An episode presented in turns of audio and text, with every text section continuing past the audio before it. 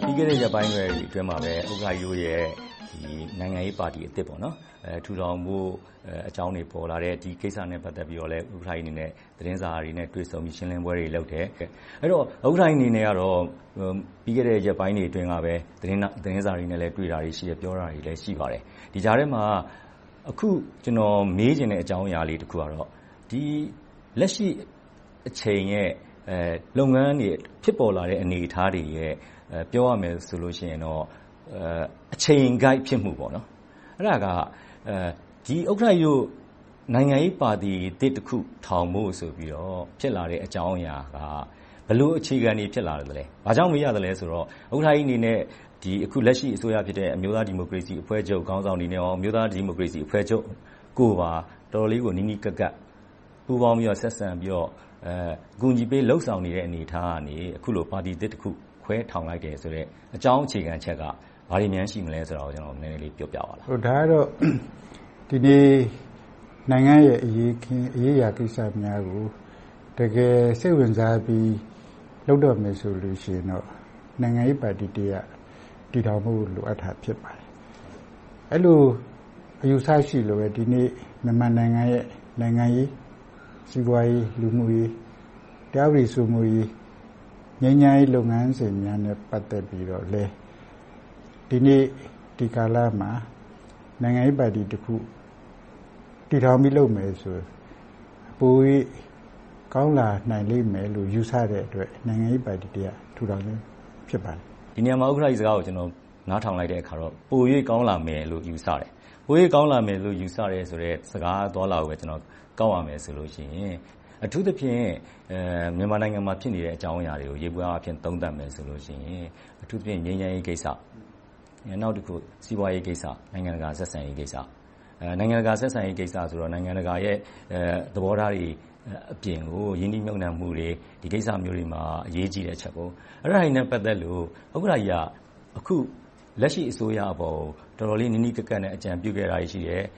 ။ကူညီပြီးတော့ ဆောင်ရွက်သုံးသပ်ပေးခဲ့တာတွေ ရှိတယ်။ အခြေအနေကို ယေဘုယျအားဖြင့် ဘယ်လိုသုံးသပ်သလဲ။လက်ရှိအစိုးရအနေနဲ့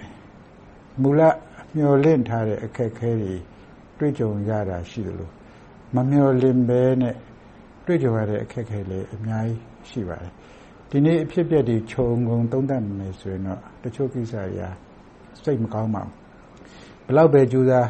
ဆောင်ရွက်သော်လဲ လက်ရှိအခြေအနေကတော့ အခုနက ကျနော်တို့ မျှော်လင့် ထားသလိုမဖြစ်လာတဲ့အတွက်ကတော့ဒီအတွက်တော့ကျနော်စိတ်မကောင်းဘူး။အဲဒီအတွက်လဲကျနော့်အနေနဲ့ကျနော်တို့တတ်နိုင်တဲ့ဘက်ကပါဝင်ဆောင်ရွက်ဖို့ရည်ရွယ်ပါတယ်။အဲဒီတော့ထပ်ပြီးဒီထက်ပိုထူးပြောရမယ်ဆိုရင်ကျနော်ကစည်းလုံးညီညွှတ်ရေး၊ဒီထက်ပိုပြောမယ်ဆိုရင်သွေးစည်းညီညွှတ်ရေးကိုကြိုက်တယ်။စည်းလုံးညီညွှတ်မှ၊သွေးစည်းညီညွှတ်မှကျနော်တို့ကဖွံ့ဖြိုးရေးလုပ်ငန်းတွေလုပ်နိုင်မယ်။ဖွံ့ဖြိုးရေးလုပ်ငန်းတွေလုပ်မှကျနော်တို့နိုင်ငံတိုးတက်မယ်။ ဒါကြောင့်မို့ဒီလိုပါတီတရပ်ထူထောင်တဲ့နေရာမှာလဲအခြားရည်ရွယ်ချက်တွေအပြင်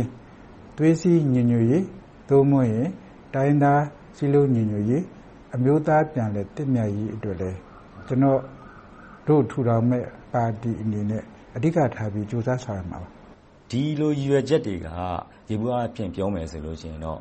ပြည်ခိုင်ဖြိုးပါတီရဲ့ရည်ရွယ်ချက်လည်းဒီအတိုင်းပါပဲ။ ဒီအခြေခံပေါ် မူတည်တယ်။အလားတူပဲ အမျိုးသားဒီမိုကရေစီအဖွဲ့ချုပ်ရဲ့ ရည်ရွယ်ချက်တွေ၊မူဝါဒဆိုလည်းဒီအခြေခံပေါ်မှာပဲ မူတည်တယ်။အဲဒီတော့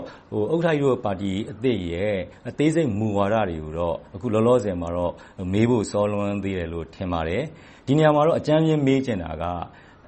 လက်ရှိအခြေအနေအထိ ဖြစ်လာတဲ့ အနေအထားဟာ မူကွဲလို့လား။လူကွဲလို့လားဆိုတဲ့ အကြမ်းမျဉ်းအခြေအနေပေါ့။ဆိုတော့ ဘယ်ပါတီပဲဖြစ်ဖြစ်၊ ဘယ်အဖွဲ့အစည်းပဲဖြစ်ဖြစ်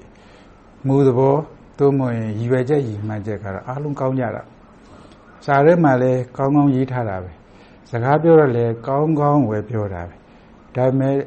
အကောင်အထည်ဖော်ဆောင်ရွက်တဲ့ဘက်ကပိုပြီးတော့အဓိကကျတယ်။ဒါကြောင့်မို့နှစ်ခုစလုံးကျနော်ပြောချင်ပါတယ်။မူကော၊လူကော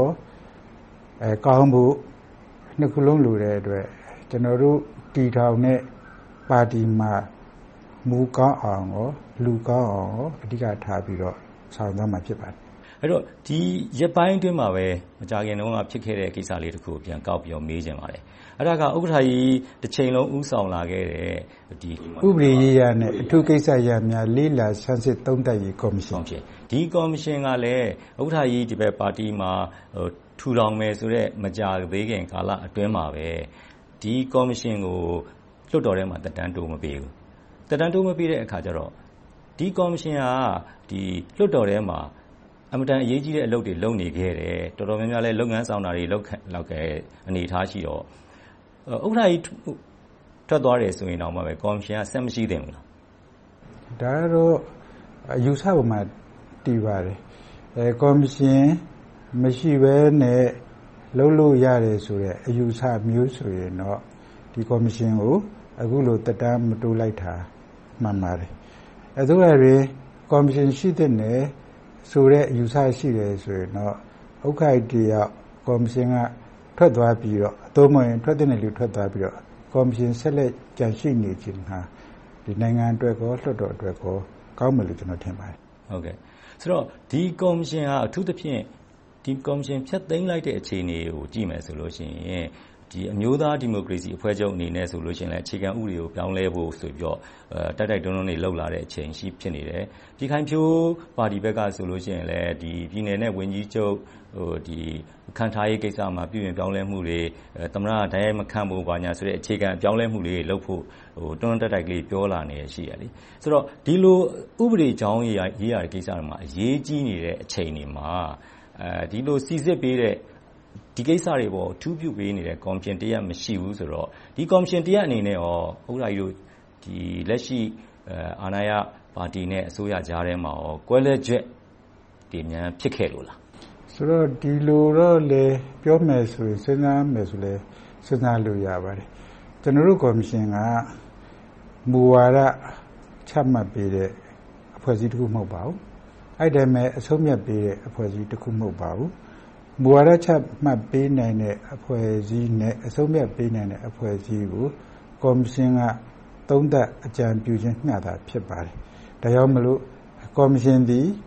ပေါ်လစီမိတ်ကာမဟုတ်ဘူး။ကော်မရှင်သည် Decision Maker မဟုတ်ဘူး။ကော်မရှင်သည်တင်ပြအကြံပြုချက်ပေးတဲ့အဖွဲ့သာဖြစ်ပါတယ်။ဒါကြောင့်မို့အခုလိုအရေးကြီးတဲ့ကာလမှာကော်မရှင်ကို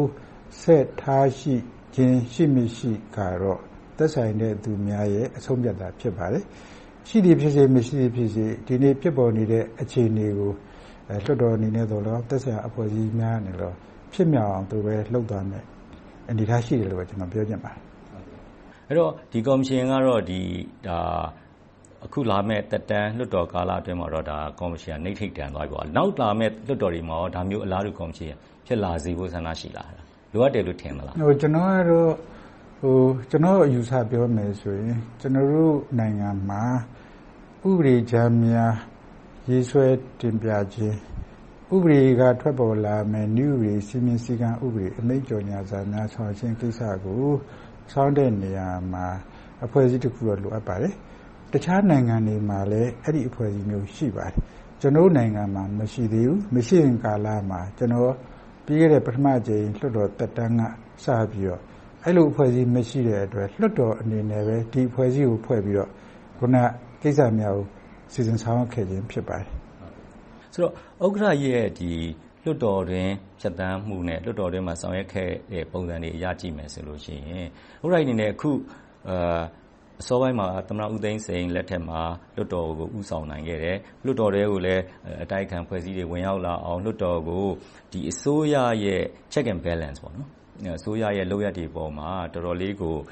ထောက်ပြနိုင်တဲ့ ချိန်ခွင်လျှာညှိပေးနိုင်တဲ့ အနေအထားမျိုးရောက်အောင် လုပ်နိုင်ခဲ့တယ်လို့ ယူဆပါတယ်။အခုလက်ရှိ လွှတ်တော်ကာလမှာ ဒီအခြေအနေကို ဘယ်လိုမြင်လဲ။ဒီဟာကတော့ ကျနော်ကဟိုတုန်းကလွှတ်တော်မှာအဓိကတာဝန်ရှိတဲ့ပုဂ္ဂိုလ်ဖြစ်တဲ့အတွက်ကိုယ့်ငါးချဉ်ကိုယ်ချဉ်တယ်လို့ပြောတဲ့သဘောမျိုးလည်းဖြစ်မှာစိုးရိမ်ပါတယ်။ဒါကတော့ကျနော့်အနေနဲ့သုံးသပ်ထားတဲ့အများပြည်သူကသုံးသပ်တာကောင်းတယ်လို့ဖြေချင်ပါတယ်။ဒါကဥက္ကဋ္ဌကြီးရဲ့အရင်ကာလအကြောင်းကိုပြောတာ။အခုလက်ရှိမြင်သမျှမှာလက်ရှိအစိုးရရဲ့လူပုဂ္ဂိုလ်ရဲ့လွှမ်းမိုးမှုတွေက လွှတ်တော်ထဲမှာ ဘယ်လောက်အထိများ သိပ်ကြီးမားနေသလဲ။ဥပမာအားဖြင့်ဆိုရင် နိုင်ငံတကာလွှတ်တော်တွေရဲ့ ထုံးစံအရဆိုရင် လွှတ်တော်အမတ်တယောက်ဟာ ပါတီကို ကိုယ်စားပြုမှုထက် သက်ဆိုင်ရာ မဲဆန္ဒနယ်နဲ့ မဲဆန္ဒရှင်တွေရဲ့ အခြေအနေကို ကိုယ်စားပြုကြတယ်။အကြောင်းအရာ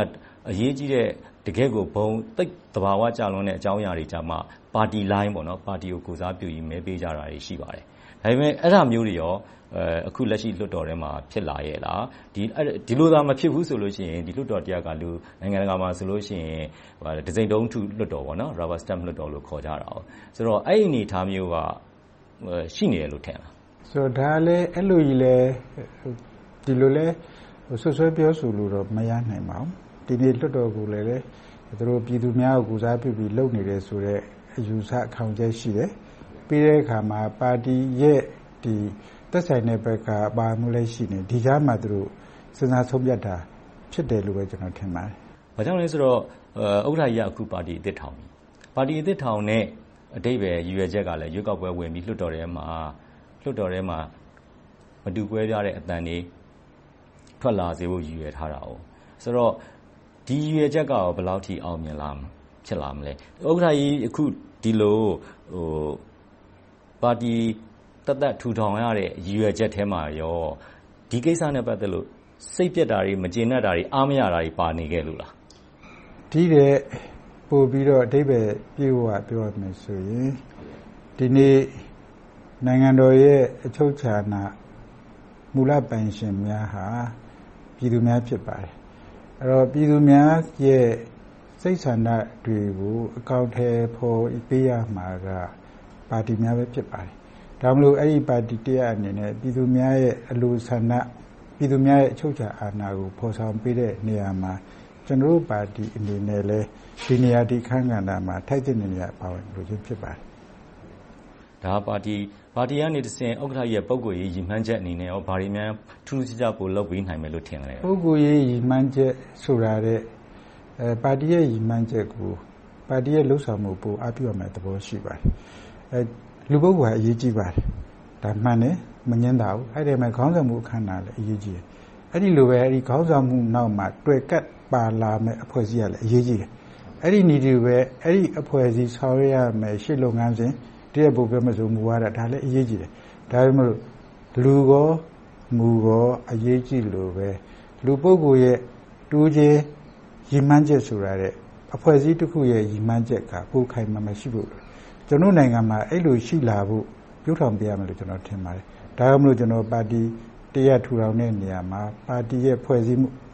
Institution ကောင်းအောင်ပါတီမှာရှိတဲ့ပါတီအဖွဲ့ဝင်များရဲ့ Capacity မြင့်မားအောင်လုပ်ပေးရမယ်။ဒါမှသာကျနော်တို့နိုင်ငံကိုအဲဒီအဖွဲ့အစည်းကရေရှည်ထိန်းသိမ်းကာကွယ်စောင့်ရှောက်တဲ့နေရာမှာပါဝင်နိုင်မယ်လို့ကျနော်ထင်ပါတယ်။ဥက္ကဋ္ဌကြီးရဲ့ပါတီက လူပုဂ္ဂိုလ်အခြေပြုပါတီဖြစ်လာမယ်လို့ဥက္ကဋ္ဌကြီးအနေနဲ့စစ်တပ်ဘက်မှာလည်းအတွေ့အကြုံတွေရှိတယ်။လွှတ်တော်ဥက္ကဋ္ဌတယောက်အနေနဲ့လည်းလွှတ်တော်အတွင်းအတွေ့အကြုံတွေရှိတယ်။နိုင်ငံရေးစစ်ဘက်အတွေ့အကြုံတွေများစွာရှိလာခဲ့တဲ့လူတယောက်အနေနဲ့လူပုဂ္ဂိုလ်တယောက်ကိုပဲအခြေခံပြီးတော့ဒီပါတီကိုထောက်ခံကြပါဆိုတဲ့ ချဉ်းကပ်မှုမျိုးဖြစ်လာနိုင်မလား။ကျနော်ကတော့ဒီနေရာမှာလူလည်းကြည့်ပါ။မူလည်းကြည့်ပါ။အဖွဲ့အစည်းလည်းကြည့်ပါ။လူကြည့်တယ်ဆိုတဲ့နေရာမှာခေါင်းဆောင်လည်းကြည့်ပါ။တဦးချင်းယှဉ်ပြိုင်ကြမယ့်ကိုယ်စားလှယ်လောင်းများကိုလည်းကြည့်ပါ။အဲဒီလိုပြည့်ပြည့်စုံစုံကြည့်ပြီးမှရွေးချယ်တဲ့ရွေးချယ်မှုကပိုပြီးမှန်နိုင်မှာဖြစ်ပါတယ်။ဒီထက်ပိုပြောရမယ်ဆိုရင်နှလုံးသားနဲ့လည်းစဉ်းစားရလိမ့်မယ်။ဦးနှောက်လည်းစဉ်းစားရမယ်။ ဦးနှောက်ကိုဦးစားပေးမလား။နှလုံးသားကိုဦးစားပေးမလား။နှစ်ခုစလုံးကိုစဉ်းစားပေးဖို့လိုပါလိမ့်မယ်။ဆိုတော့အခုလက်ရှိအခြေအနေမှာတော့မူဝါဒတွေအစား အများပြည်သူစိတ်ဝင်စားနေတာကတော့လောလောဆယ်တော့လူကိစ္စတွေလည်းပါတာပေါ့။လူကိစ္စတွေဆိုတဲ့နေရာမှာဥက္ကဋ္ဌကြီးကလည်းထူးထူးခြားခြားအခုလိုနိုင်ငံရေးပါတီအသစ်ထူထောင်စေတဲ့အခြေအနေမျိုး။ဒီလိုအခြေအနေမျိုးရောက်သွားရအောင်ဆိုလို့ရှိရင်ထူးထူးခြားခြားဥက္ကဋ္ဌကြီးနဲ့အတော်လေးကိုနီးနီးစပ်စပ်ရှိခဲ့တဲ့နိုင်ငံတော်အတိုင်ပင်ခံပုဂ္ဂိုလ်ဒေါ်အောင်ဆန်းစုကြည်အပါအဝင်အမျိုးသားဒီမိုကရေစီအဖွဲ့ချုပ်လုပ်ရပ်တချို့နဲ့ပတ်သက်ပြီးဘယ်လောက်များကွဲလွဲချက်တွေရှိခဲ့သလဲ။ဒီနေရာမှာ ကျနော်တို့နှစ်ဦးရဲ့ဆက်ဆံရေးဟာလူပုဂ္ဂိုလ်ဆက်ဆံရေးကိုအခြေခံပါတယ်။အဲပါတီနှစ်ခုဟလာဆက်ဆံရေးဆိုတာကမရှိတော့နော်နေပါတယ်ကျွန်တော်လွတ်တော်ဥက္ကဋ္ဌကာလတုန်းကကျွန်တော်ပြည်တော်စုကြန့်ခိုင်တဲ့ဖွံ့ဖြိုးရေးပါတီမှာကျွန်တော်ဥက္ကဋ္ဌတာကိုထမ်းဆောင်ခဲ့ရပါတယ်အဲ့ဒီချိန်မှာအမျိုးသားဒီမိုကရေစီအဖွဲ့ချုပ်ရဲ့ဥက္ကဋ္ဌကဒီနေ့အတိုင်းအံပုဂ္ဂိုလ်ပါအဲ့လိုဆက်ဆံတဲ့အခါမှာကျွန်တော်တို့ခုနကလူပုဂ္ဂိုလ်အခြေခံဆက်ဆံတယ် အဲ့ဒီအမှကျွန်တော်ကပါတီနှစ်ရပ်ကိုအဲတစ်ဖက်နဲ့တစ်ဖက်နားလည်မှုရှိစွာနဲ့တိုင်းပြည်တိုးတက်အောင်ညှိနှိုင်းပူးပေါင်းဆောင်မယ်ဆိုတဲ့ဟာကိုကျွန်တော်ကပိုလက်ခံတယ်။တို့ရတယ်အဲ့ဒီအဆင့်ကိုစူးစမ်းနေစဉ်ကာလမှာပဲအဲကျွန်တော်ဘက်ကပြောမယ်ဆိုကျွန်တော်အယုတ်ကျိုးပြဖြစ်ခဲ့ရတယ်။ဘယ်လိုပဲဖြစ်ဖြစ်ကျွန်တော်ကတော့ဒီမူလဆန္ဒရှိတာကိုကျွန်တော်ဆက်လက်ပြီးတော့တတ်နိုင်မြတ် စူးစမ်းခဲ့ပါတယ်။အဲ့ဒီအချိန်မှာနောက်ဆုံးအချိန်မှာကျွန်တော်ဒီပါတီမရှိပါဘူး။ကျွန်တော်ပါတီကကျွန်တော်ထုတ်ပြပါတယ်။ကြားကောက်တော့ဗာလဲဆိုတဲ့အခါမှာခေါင်းကအဲအနာပေးတယ်လို့ပြောပါတယ်နော်ဘယ်လိုပုံစံနဲ့ဖြစ်ဖြစ်ကျွန်တော်ဒီခုနအဲ့ဒီပါတီမှာမရှိတော့ပါဘူးမရှိတဲ့အတွက်နိုင်ငံတစ်ခုကိုတည်ထောင်တဲ့နေရာမှာပါတီကဒီနေ့ဒီကာလမှာအရေးကြီးတယ်အရင်တော့အရေးမကြီးဒီနေ့ဒီကာလမှာအရေးကြီးတယ်ကြီးတဲ့အတွက်ကျွန်တော်လည်း ကျွန်တော်တို့ထူထောင်မဲ့ပါတီမှာတတတအားနုနုကြကြတက်တက်ကြွဆောင်ပြီးတော့မြည်သည့်ပါတီမြည်သည့်အဖွဲ့အစည်းနဲ့မဆိုနိုင်ငံတော်နဲ့နိုင်ငံသားအကျိုးစီးပွားအတွက်ဆိုရင်ညီနိုင်ပူပေါင်းဆောင်မယ်ဆိုတဲ့စိတ်အရင်ခံနေပဲကျွန်တော်ဒီလိုလုပ်ချင်းဖြစ်ပါတယ်တခုလက်ရှိအခြေအနေမှာကအမတန်အရေးကြီးတဲ့ကိစ္စကအခုနိုင်ငံရေးပါတီတွေနဲ့တက်မတော်နဲ့ဆက်ဆံရေးပေါ့နော်အခုရကြီးကလည်းတကယ်တမ်းဆိုရင်တက်မတော်ရဲ့ခေါင်းဆောင်တယောက်အနေနဲ့အ ခုလိုအများပြည်သူမြင်နေကြတာတော့ဥက္ကဋ္ဌကြီးနဲ့ဒီအဲနိုင်ငံတော်အတိုင်ပင်ခံပုဂ္ဂိုလ်ရဲ့ယဉ်ကျေးမှုပါတီရဲ့ဘက်မှာဥက္ကဋ္ဌကြီးရဲ့အဲအကြံပေးမှုဩဇာအာဏာနီးနီးစပ်ဆောင်ရွက်မှုတွေအခြေအနေကိုကြည့်ပြီးတစ်ချိန်ကြာလို့ရှိရင်ဥက္ကဋ္ဌကြီးကဒီအမျိုးသားပါတီအမျိုးသားဒီမိုကရေစီအဖွဲ့ချုပ်အဖွဲ့ဝင်များဖြစ်လာမလားဆိုရဲဟိုတွေးတွေးထင်ထားတာတွေလည်းရှိရလေဒီနေရာမှာတစ်ဖက်ကကြတော့လေဥက္ကဋ္ဌကြီးကဒီလိုတော့လုပ်မှမထင်ဘူးဒါဆိုရင်တမတော်ကသစ္စာပေါက်လို့ ပြောလိုက်မယ်ဆိုတဲ့ပုံစံမျိုးဒီလိုစိုးရင်ချက်တွေရောရှိခဲ့လို့လားချက်ချင်းဝင်တာဟုတ်ကျွန်တော်ကအဲ့လိုစိုးရင်ချက်မရှိပါဘူးအဓိကတော့ပါလဲဆိုတဲ့အခါမှာနိုင်ငံရေးပါတီတည်းထူထောင်လာတဲ့အချိန်မှာအမျိုးသားဒီမိုကရေစီအဖွဲ့ချုပ်ဆိုကြာခဲ့ပါပြီကြာပဲဒီမှာသူ့ရဲ့ပါတီကပုဂ္ဂိုလ်များလဲဒီနေ့ဘာပဲဖြစ်ဖြစ်သူတို့ပါတီဒီလိုအခွင့်အာဏာရတဲ့အချိန်မှာသူလည်း အဲ့ဒီပုံမှန်မှုတွေသူတို့လည်းပါဝင်ခြင်းမှာပဲသူ့နဲ့နဲ့သူအဲ့ဒီအချိန်မှာကျွန်တော်ကနေပြီးတော့ဂျားဘောက်ဝင်ပြီးတဲ့အခါမှာခုနသူတို့ပါတီရဲ့နေရာအဲပါတီကပေးမဲ့တာဝန်တွေအပါဝင်အခြားပါတီကစီမံခန့်ခွဲတဲ့နေရာကိုကျွန်တော်ပေးမယ်ဆိုလို့ရှိရင်လည်းပေးသူအတွက်လည်းတစ်မတင်စဉ်းစားပါလိမ့်မယ်ယူသူအတွက်လည်းတစ်မတင်စဉ်းစားပါလိမ့်မယ်အဲ့ဒီပါတီဝင်များလည်းတစ်မတင်စဉ်းစားပါလိမ့်မယ်ဒီအတွက်ကျွန်တော်ကခုနက NLD ပါတီမှာနေရာမရတဲ့ကိစ္စနော်ပြီးတဲ့အခါမှာကျွန်တော်ကိုယ်တိုင်နေရာလူချင်းတဲ့ကိစ္စမှာကျွန်တော်စီမှာဘာမှပြဿနာမရှိပါဘူးအဲ့ဒီမဲ့တောင်ထမ်းဆောင်တဲ့နေရာမှာလည်းကျွန်တော်ကဒီဆိုရလက်ထက်မှာအောင်မြင်ပြီးတော့အဆင်ပြေသွားတဲ့အနေအထားဖြစ်အောင်လည်းကျွန်တော်ဘက်ကကျွန်တော်တတ်နေတဲ့မြတ်ပေါင်ခဲ့တာဖြစ်ပါတယ်ဟုတ်ကဲ့အခုဒါဆိုလို့ရှိရင်အခုလက်ရှိမြန်မာနိုင်ငံရဲ့လက်ရှိအခြေအနေမှာဥက္ကဋ္ဌကြီးအစိုးရဆုံးချက်ကပါရှိတယ်အဲကျွန်တော်တို့ခုနက စီလုံးညီညွတ်မှုပြတ်မှကျွန်တော်စိုးရိမ်အစိုးရိမ်ဆုံးကစီလုံးညီညွတ်မှုဆိုတာဘယ်အဖွဲ့စီလုံးညီမှုဆိုတာတော့အကုန်လုံးပေါ့ဗျာနော်စီလုံးညီမှုဆိုတာခုနကဒီတိုင်းသားချင်းချင်းကိုနော်တခါတိုင်းသားချင်းဆိုတာတိုင်းသားအချင်းချင်းမှလည်းစီလုံးညီမှပြတ်မှဆိုရင်အခြားတိုင်းသားအတွင်းမှာလည်းစီလုံးညီပြတ်ပြတ်မှဆိုရင်အဲ့ဒါမဲ့အမျိုးသားစီလုံးညီညွတ်မှလည်း ကျွန်တော်ဆိုရင်စီလုံးညီညွတ်မှုဟာကျွန်တော်တို့ရဲ့အသက်နိုင်ငံတနိုင်ငံအသက်စီလုံးညီညွတ်မှုရှိမှဖွံ့ဖြိုးတိုးတက်မှုလုပ်နိုင်ဖွံ့ဖြိုးတက်မှုဆောင်ကျဉ်နိုင်မယ်ဒါမှမဟုတ်အစိုးရဆုံးကစီလုံးညီညွတ်မှုပြတ်ပြားမှကျွန်တော်အစိုးရဆုံးပါအခုလက်ရှိဆိုလို့ရှိရင်လည်းဒါဒေါအောင်ဆန်းစုကြည်ဆိုလို့ရှိရင်လက်ရှိအာဏာရ ပါတီအနေနဲ့လည်းလူလူအများစုရဲ့ထောက်ခံမှုတွေလည်းရထားတယ်ဒီရှိသမျှတော်တော်များများတစ်ချိန်လုံးကတိုင်းရင်းသားအဖွဲ့အစည်းတွေရဲ့ယုံကြည်ကူးစားမှုတွေလည်းရှိတော့ဒီအခြေအနေဟာဘာကြောင့်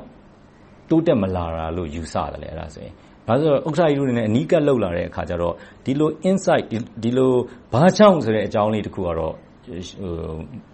ရှင်းရှင်းလင်းလင်းဥက္ကဋ္ဌကြီးရှိကနေသိကြပါတယ်ဆိုတော့ဟိုရှိကောင်းရှိနိုင်ပါလေ ဘာကြောင့်ဆိုတဲ့ဟာကတော့လောလောဆယ်တစ်ဖက်နဲ့တစ်ဖက်ယုံကြည်မှုပေါ်ပဲအခြေခံတယ်လို့ထင်ပါတယ်အဲယုံကြည်မှုတိတ်အရေးကြီးပါတယ်အဲ့တော့ဘာကြောင့်ယုံကြည်မှုရှိခြင်းမရှိခြင်းတော့ကျွန်တော်ဒါတော့ပြောကြလဲမရှိပါဘူးတေချာတော့ယုံကြည်မှုအဲအပြည့်အဝမရသေးတဲ့အတွက်ဆိုရင်တော့လုံလောက်မယ်ထင်ပါတယ်ဟုတ်ကဲ့တဲ့ဒီတက်မတော်ရဲ့အခန်းကဏ္ဍအနေနဲ့ရောဒါဥက္ကဋ္ဌကြီးလည်းတက်မတော်ရဲ့အဲ တကယ်ဦးစီးဦးဆောင်လှုပ်လာတယ် အခုနိုင်ငံရေးကဏ္ဍမှာ ဥက္ကဋ္ဌကြီးအနေနဲ့တက်မတော်ကို ဘယ်လိုနေရာမျိုးမှာ ရှိစေခြင်းတလဲ ဘာတွေဆက်ပြီးဖြစ်စေခြင်းတလဲဆိုတာလေးကို တစ်ချက်လေးပြောဟိုတက်မတော်ဟာ နိုင်ငံအတွက် မရှိမဖြစ်လိုအပ်တဲ့ အဖွဲ့အစည်း ဖြစ်ပါတယ် ဒါမလို့တက်မတော်နဲ့ အင်အားတောင်းနှင်းခိုင်မာပြီး စွမ်းရည်ထမြက်တဲ့ခက်မီတက်တော့တရားဒီနေ့ professional ပဲပြောပြော standard army ပြော အဲ့လို ဖြစ်စေချင်ပါတယ် professional သို့မဟုတ် standard army လို့ပြောလိုက်တဲ့အခါမှာ standard army မှာရှိတဲ့အချက်လက်တွေပြည့်စုံစေချင်ပါတယ်အဲ့ဒီလည်း ကျွန်တော်အနေနဲ့အာ